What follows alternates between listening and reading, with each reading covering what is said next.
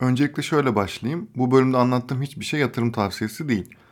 Herkesin enflasyonu algılama şekli farklı. Kimi pazarda alışverişte anlıyor bunu, kimi ise yaz tatilinde bir önceki tatildeki kadar iyi bir yere gidemediğinde. Hepimiz bir şekilde enflasyonu yaşıyoruz. Buna karşı kendimizce önlemler de alıyoruz belki ama genelde yetmiyor. Yetmez.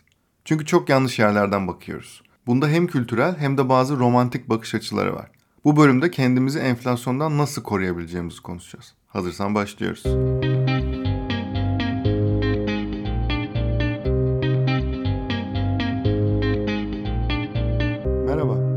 ben Hakan Şık. Fikrin ne kadar önemli ve aslında ne kadar da önemsiz olduğunu konuşacağımız podcast serisi Bedava Fikre hoş geldin.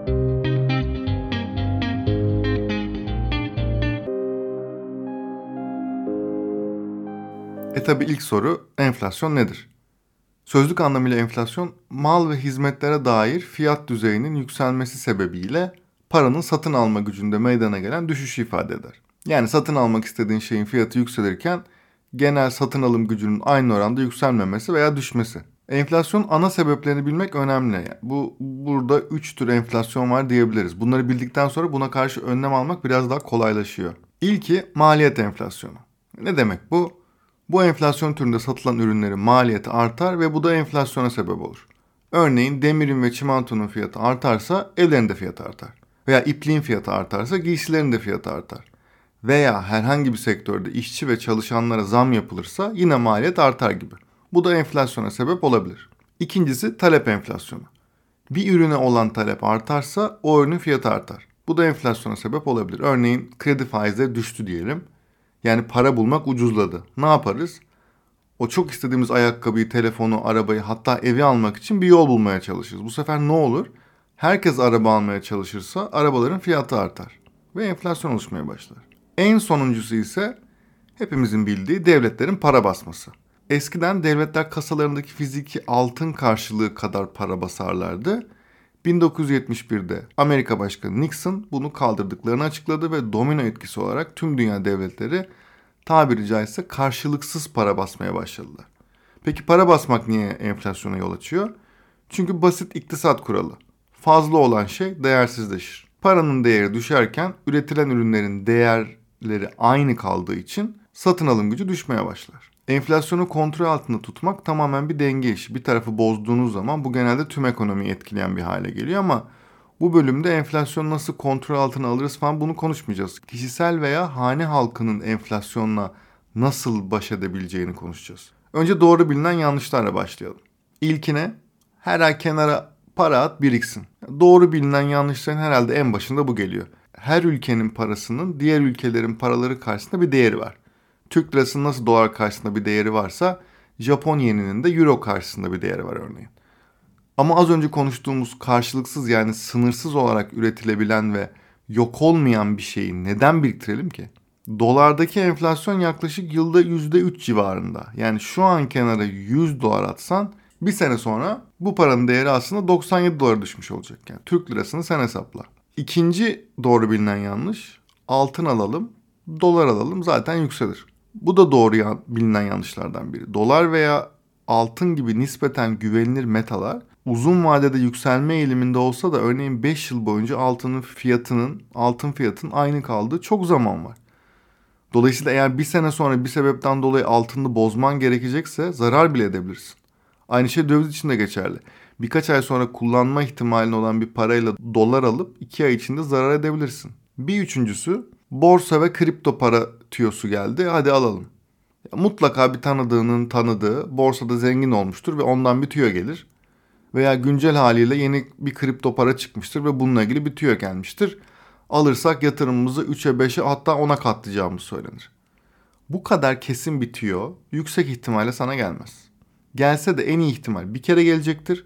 O yaptığın karın çok daha fazlasını ileride gelecek tüyolarda muhtemelen misliyle kaybedersin. Şimdi bunlar en bilinenleri. Bunların dışında bildiklerin varsa bu arada yorumlara yazabilirsin. Şimdi gelelim asıl mevzuya. Peki tamam da ne yapalım o zaman?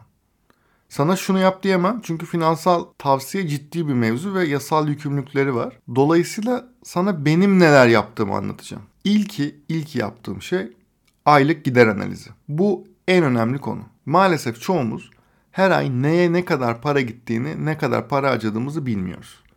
Belki ana masraflarını biliyorsundur örneğin kira, aidat, elektrik ama örneğin yemeğe ne kadar para harcadığını bilmiyorsun. Son bir yılda kıyafete ne kadar para harcadın? Herhangi bir fikrin var mı? Veya son bir yıldaki en büyük gider kalemin neydi örneğin? Kiran mı, yemeğin mi, elektronik eşya mı, sağlık mı? Bu ilk aşamayı ciddiye almadan enflasyonla başa çıkman mümkün değil. Ben nasıl başladığımı ve şu an ne yaptığımı anlatayım. Beni yakından tanıyanlar biliyor bunu ama ben tabiri caizse bir Excel'ciyim. Tam bir Excel manyağıyım aslında. Aşırı seviyorum bir şeyler Excel'den takip etmeyi. Buna harcamalarım da dahil. Ama bunu cimrilik olarak algılama yani. Sadece bilmek istiyorum. Bir akşam yemeğine astronomik bir ücret de veriyorsam 6 ay sonra bunu hala görebilmeyi aşırı seviyorum. Para nereye gidiyor bunu görmek, bilmek çok büyük bir güç. İlk ay şöyle başlamıştım. Nakit aldığım her şeyin fişini alıyordum. Kredi kartları harcamalarıyla birlikte hepsini kategorilendirip bir Excel'de tutmaya başladım. Örneğin şöyle kategorilerim vardı. Ev demirbaş giderleri. Mesela işte kira, aidat, su, elektrik, doğalgaz, Netflix vesaire. Yemek ve mutfak giderleri. Buna dışarıdaki yemekler vesaire de dahil. İşte kıyafet giderleri, elektronik giderleri, sağlık giderleri, araba giderleri, eğitim giderleri ki bunun için işte aldığımız kurslar, abone olduğumuz dergiler, kitaplar vesaire de var. İstediğini ekle bunlara. 10 liralık harcamaları bile o kategoriler altında tutmaya başladım. Ay sonunda örneğin şöyle bir tablo çıkıyordu. Aylık harcamalarımızın %X kadarı yemeğe gidiyor, %Y kadarı kıyafete gidiyor gibi. Bazı oranlar ve harcama tutarları bizi şaşırtmıştı ilk ay. Biz gerçekten yemeğe bu kadar harcıyor muyuz ya demiştik örneğin. Yemek sepeti önemli bir kalemdi. Buradaki mevzu tüm giderleri kısmak da değil. O giderleri görmek ve bunu bilerek o harcamaları yapmaya devam etmek veya etmemek. Bilgi en büyük güç. Bu, bu konuda da öyle. Şimdi diyebilirsin ki ben Excel'lerle falan uğraşamam. Valla uğraşamazsan o kazandığın para bir türlü sana yetmeyecek. O yüzden kendini zorlaman lazım burada. Ama yine bir kıyak. Artık bankaların birçoğunda aylık harcamaları otomatik olarak analiz edip seninle paylaşan sistemler var. Yani burada banka adı vermeyeyim ama artık birçoğunda var. Aylık ne kadar eğlenceye harcamışsın, ne kadar elektroniğe harcamışsın detaylı olarak gösteriyor. Eğer Excel ile uğraşmak istemezsen bu analizleri de kullanabilirsin. Online bankacılık üzerinden özellikle bunlar var. Dolayısıyla bu analizler ne işe yarayacak yani ev halkı ile birlikte kendi başına oturup ben buna çok harcıyormuşum gerek yok aslında gibi bir karar verip o harcamayı azaltarak oradan aldığın parayla birazdan bahsedeceğim şeyleri yapabilirsin. Veya bir bakmışsın aslında her ay eksideymişsin. Buradan arttıracağım parayla belirli bir zaman içerisinde en azından artıya geçebilirsin. Yani burada karar tamamen senin.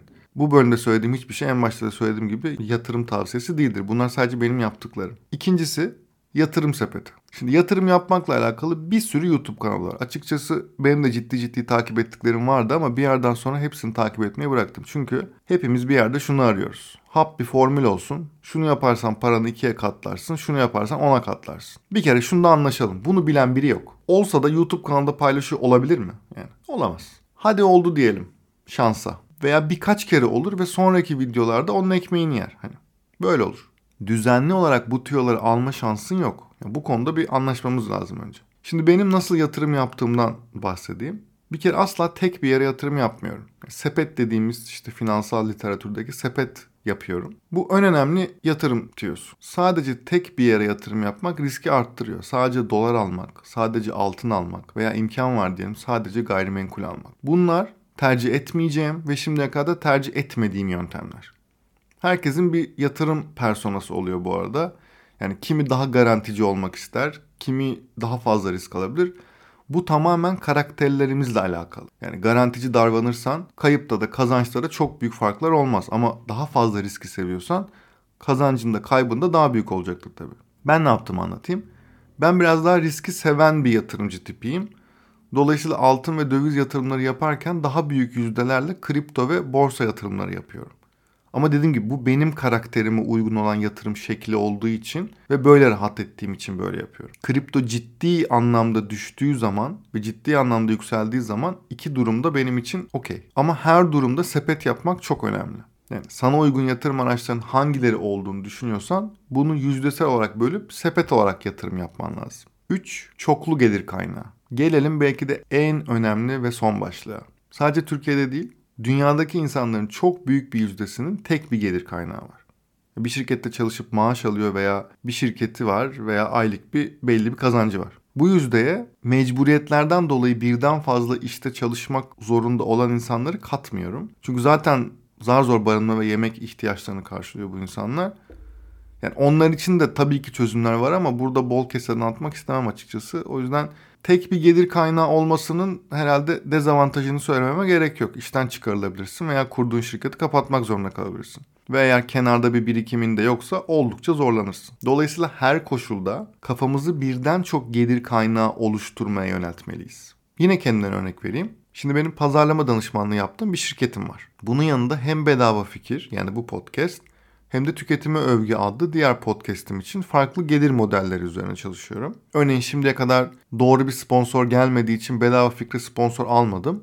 Ama Tüketime Övgü adlı diğer podcast'imize sponsor aldık ve buradan bir maddi geliri elde ettik. Yine bunlara ek olarak yurt dışına eğitim satacağım bir sistem üzerine çalışıyorum. Ve bunların hepsinin yanında da Türkiye'nin ilk NFT ajansını kurduk kısa bir süre önce. Bu çoklu gelir kaynaklarını oluştururken bazılarının uzun vadeli potansiyelleri olabileceğini gözden kaçırmaman lazım. Bazıları da çalışmayacak bu arada. Ama örneğin sadece maaşlı çalışırken yanda bir şey yapmamak gerçekten çok büyük bir risk. Yani uzmanlığınla ilgili eğitim verebilirsin. Yeni bir uzmanlık elde etmek için eğitimler alabilirsin. Benim gibi podcast kaydetmeye başlayabilirsin. Yani yapabilecek çok şey var. Sadece sakin kafayla oturup bir düşünmek gerekiyor sanırım. Ve şunu mutlaka söylemeliyim. Hiçbiri bir günde bir haftada falan olmuyor. Yani bedava fikre yani bu podcast'a başlamak için aylarca düşündüm. Adı ne olsun, ne anlatayım, kim dinler bunu. Yani neler yaşıyorsun o süreçte. Günün sonunda en kötü ne olabilir ki deyip başlamak lazım. Ben öyle yaptım.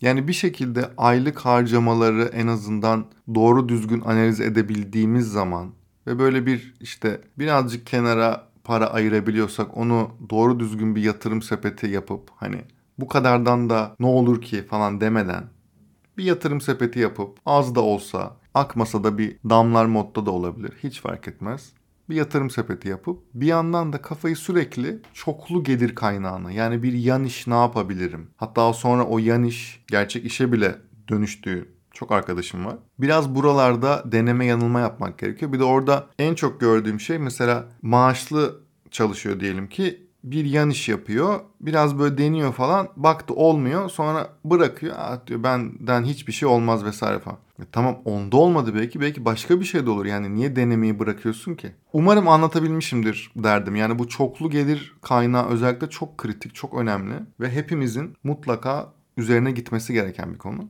Bu bölümün de sonuna geldik. Bana buraya kadar eşlik ettiğin için ve değerli zamanını ayırıp beni dinlediğin için çok teşekkür ederim. Bu bölümü dinlediğin platformda beğenirsen çok sevinirim. Bu şekilde platformlar bu bölümü daha fazla kişiye öneriyorlar. İşte algoritma vesaire yüzünden. Ve daha fazla kişinin faydalanmasını sağlıyorsun bu şekilde. Ve her bölüm olduğu gibi bu bölümü de bir yeni arkadaşına daha önerirsen beni çok mutlu edersin. Sadece bir kişiye daha bu arada. Daha fazlası değil. Bana bu bölümle ilgili soruların olursa dilediğin mecradan ulaşabilirsin. Bir sonraki bölümde görüşmek üzere. Hoşçakal.